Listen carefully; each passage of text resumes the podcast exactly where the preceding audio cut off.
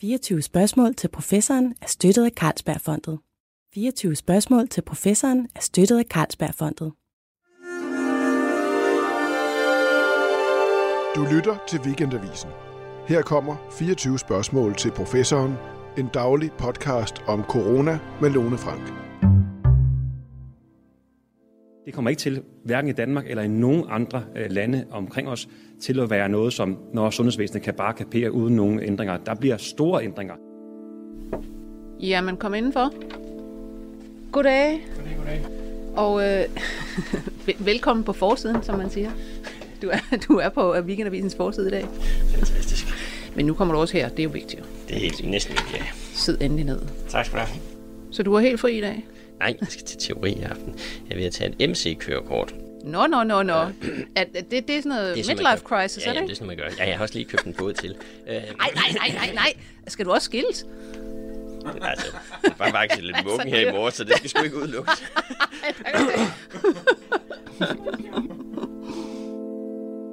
operationer og behandlinger bliver udskudt. Vi kommer ikke til at vende tilbage til Danmark, som det var før 6. marts. Tingene har ændret sig, og det har de gjort fra den ene dag til den anden.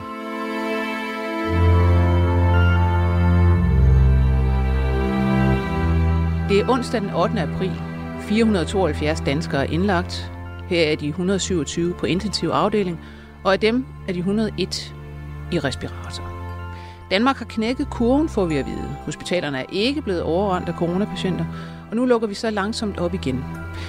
Imens forudser The Economist, at verdensøkonomien skrumper med i hvert fald 2,5 procent i 2020, og at det vil give en dybere recession end finanskrisen.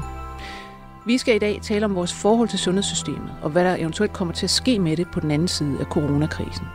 Og det skal vi med dagens gæst. Det er dig, Jakob Kjeldberg. Velkommen. Tak skal du have. Du er sundhedsøkonom, og du er professor ved VIVE, det Nationale Forsknings- og Analysecenter for Velfærd.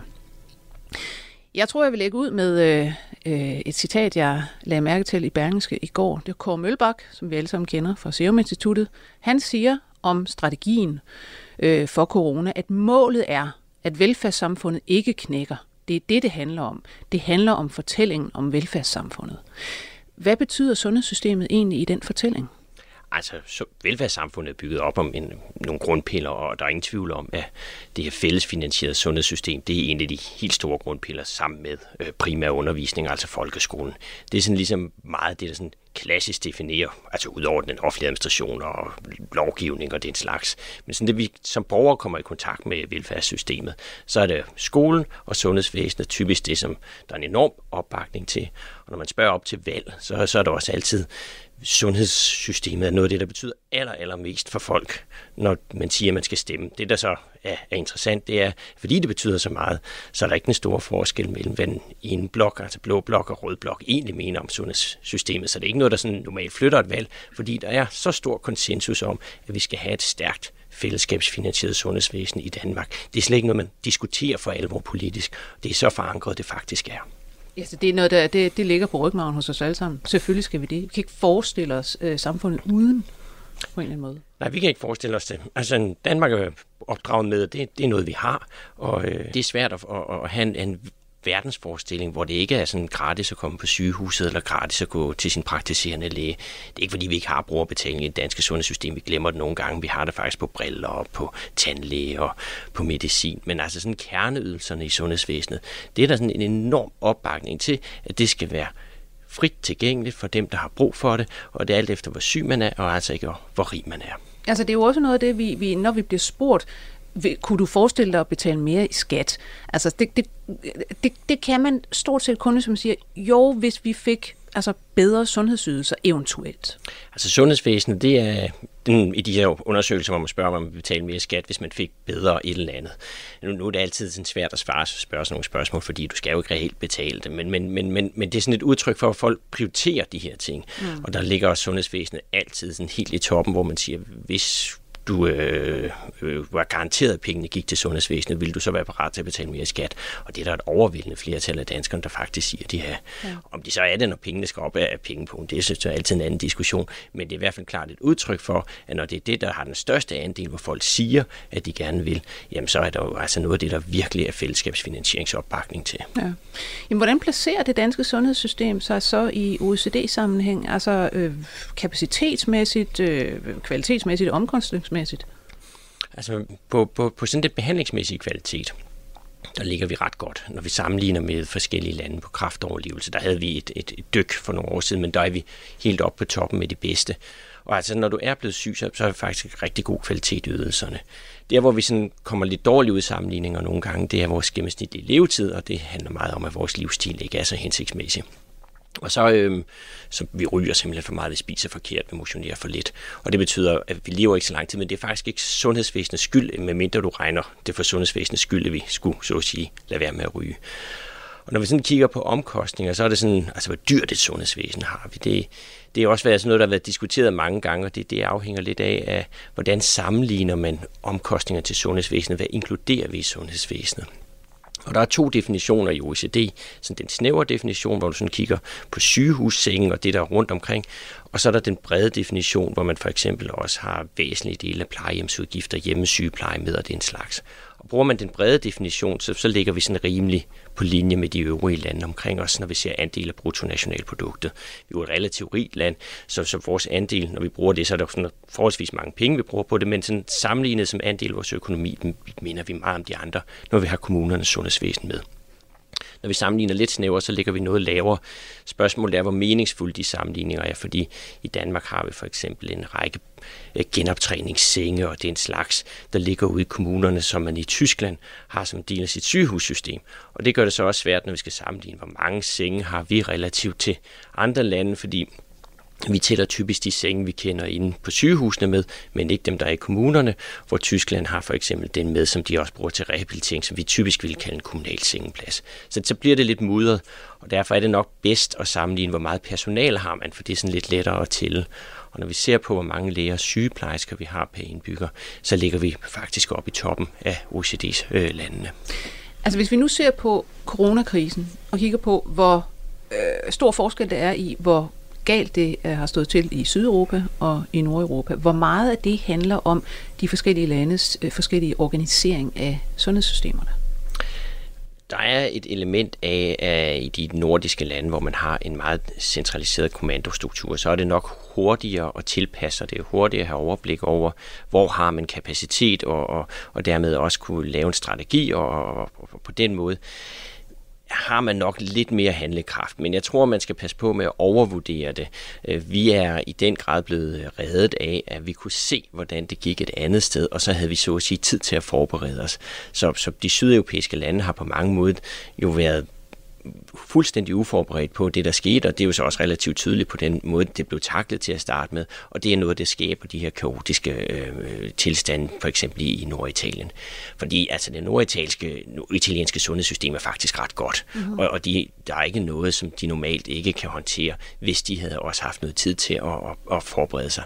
Men hvis du så både bliver taget på sengen og har en kommandostruktur, der måske er lidt langsommere, så, så, så, så bliver man ramt dobbelt hårdt. Men jeg tror, man skal passe på med at, at bare sige, at vi har været så meget klogere og dygtigere end alle andre, og derfor har vi håndteret det. Vi har simpelthen også haft en tempofordel. Ja. Nej, jeg vil bestemt ikke sige, at vi har været klogere end alle andre. Slet ikke. Jeg vil øh, tværtimod spørge, om ikke altså, vores system også har fået nogle kraftige la- øh, riser i lakken med hensyn til, at man netop øh, går ud og siger nu, at man jo altså, egentlig ikke havde ret godt tjek på hverken test, testkapacitet, værnemidler eller meget af det her.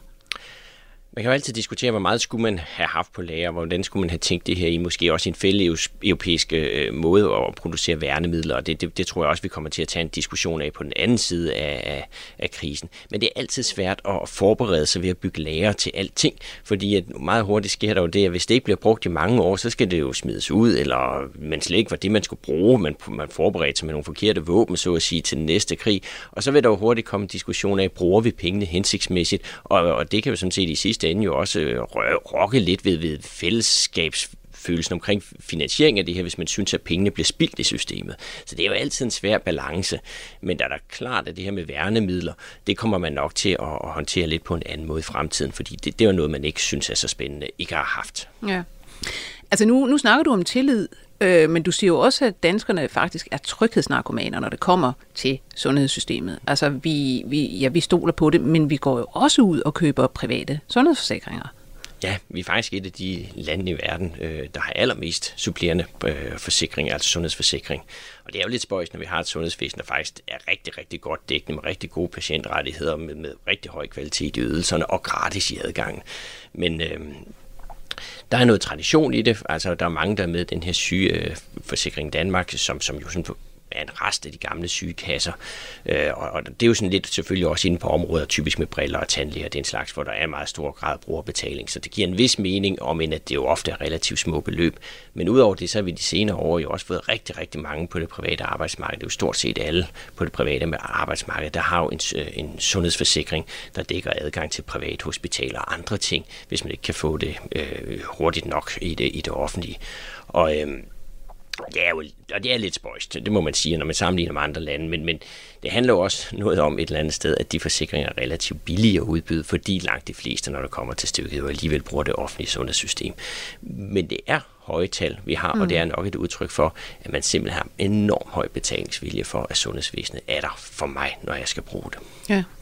Jamen, jeg kommer til at tænke på, om vi er særligt ømskinnet, altså nu i, i forhold til corona her, der er det som om, at vi har øh, oparbejdet eller fået lige pludselig sådan en form for nul-tolerance over for, for død. Altså, at man jo øh, straks, når vi skal lukke op her igen, øh, blive så stille for samfundet, og man snakker om, jamen vi skal jo have opbygget den her flokimmunitet, øh, det kommer til at ske på sigt, øh, og det er meget praktisk osv. osv. Så råber folk op om, jamen der er nogen, der kommer til at dø. Altså, vi har jo også at gøre med nu en, en dødelig sygdom, der er simpelthen der er folk, der ikke kan reddes fra denne sygdom, hvis de får den. Men vi taler jo ikke normalt om, at der dør så og så mange af influenza hvert år. I 2018, altså i 100-året for den øh, hvad der spanske syge, der var det faktisk øh, 2.000 mennesker, der døde herhjemme af influenza. Det trak ikke en eneste overskrift. Der var ikke nogen, der, der talte om, at det var da også forfærdeligt, og det kunne måske have været forhindret. Øhm, hvorfor får vi sådan pludselig en total fornemmelse af, at, at al død skal ligesom forhindres? Jamen, det skal det jo også i sundhedsvæsenet, de omfang, man kan. Så, det, er jo, det er jo sådan egentlig et udmærket grundpræmis, og man kan jo sådan set måske for, forklare det på en lidt anden måde, at det her med, med covid-19, det, det er jo det er utrygt, det er ukendt, det er, øh, altså vi, man vidste ikke, hvad det var. Og, og, og der er jo nogle ting, hvor vi som mennesker jo håndterer øh, fare på forskellige måder, når vi er bekendt med dem. Altså, vi, vi kører bil, uden at tænke over, at der er en stor risiko ved det. Altså, der er faktisk folk, der dør i trafikken. Øh, det er der nemlig. Mens hvis vi går op og flyve, som er lidt mere og, sådan, usikkert for os på en eller anden måde, som til gengæld jo er langt, langt, langt sikrere end at køre bil. Øh, næsten ligegyldigt, hvor langt du skal flyve.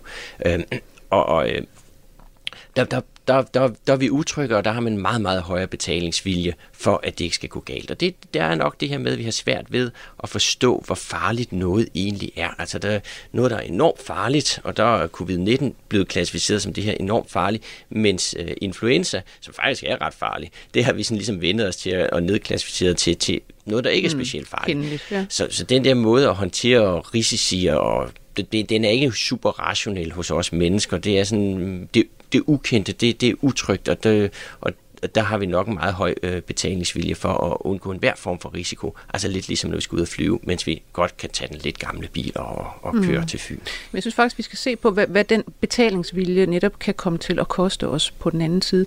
Vi tager lige et klip her med Mette Frederiksen. Det her kommer også til at få konsekvenser for rigtig mange danskere. Mange vil få udskudt deres øh, operation, hvis den ikke er akut. Jeg ved, det kommer til at være til gene for mange, og det betyder allerede nu, at vi kommer til at se ind i et sundhedsvæsen, der også på den anden side af corona kommer til at blive overbebyrdet. Ja, det kan man sagtens se for sig. Hvis jeg bare tænker på mig selv, så stod jeg og skulle til en øh, brystkræftscreening, og jeg skulle have lavet en procedure hos min praktiserende læge, da det hele ligesom lukkede ned, og, og det sådan set bare, det hele blev aflyst. Det er der rigtig mange andre, der formentlig også står i. Øh, man kan se, at Region Sjælland, de ser en 25% nedgang i henvisninger til kræfttjek i forhold til samme periode sidste år. Altså, der kan jo være rigtig, rigtig mange tilfælde, der så ikke bliver opdaget i tide, øh, som måske øh, bliver syge, som ikke var blevet syge, eller som måske dør af en kræftsygdom, som ikke var døde, og så videre, så videre.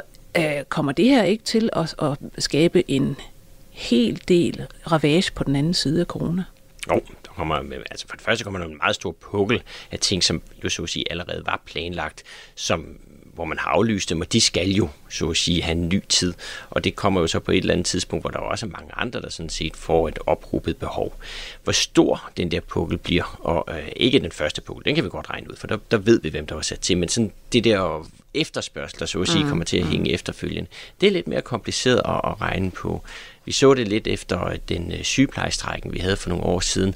At der, der kunne vi jo sådan også prøve at regne frem til alle de her, der så ikke var blevet henvist, de skulle så henvise sig. Mm. Og der sker altså et eller andet med sundhedsvæsenet, at man tilpasser sig lidt til den kapacitet, man har.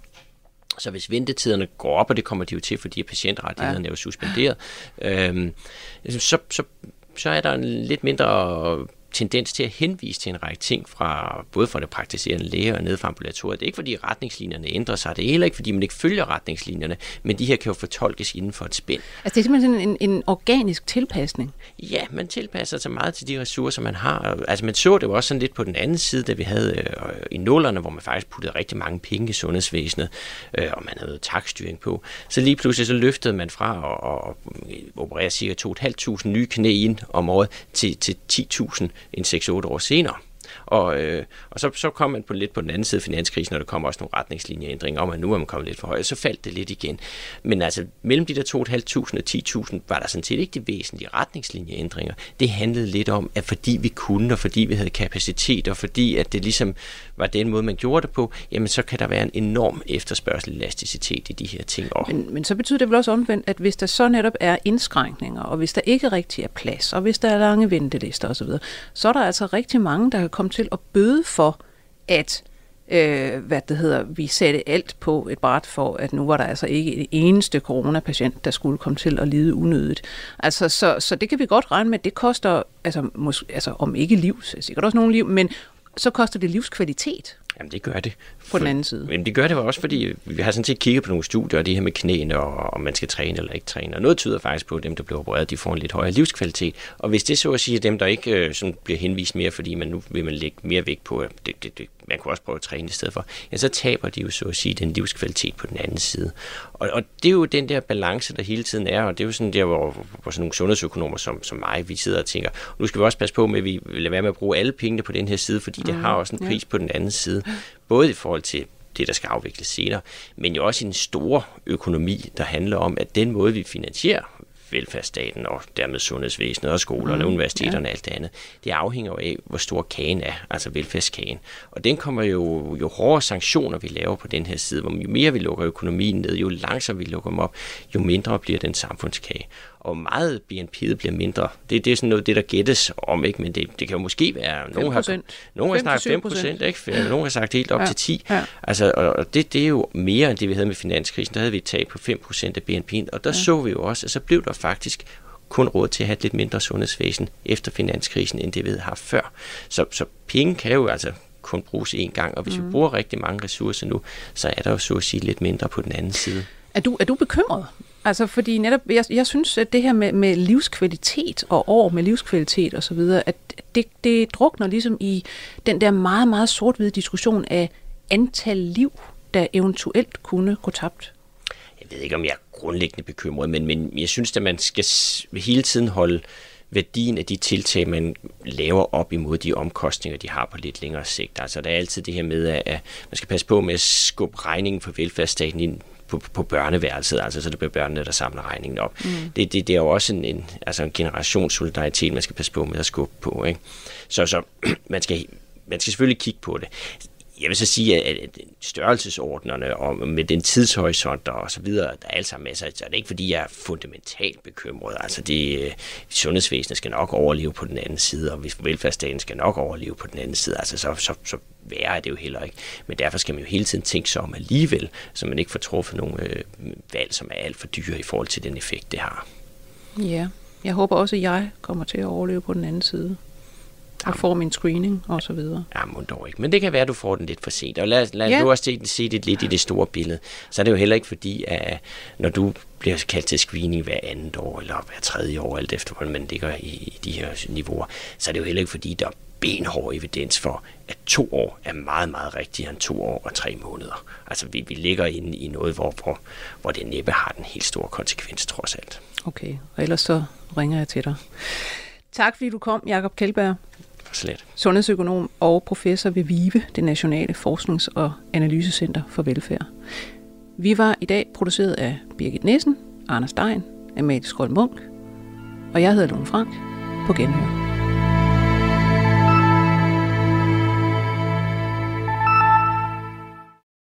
24 spørgsmål til professoren er støttet af Carlsbergfondet.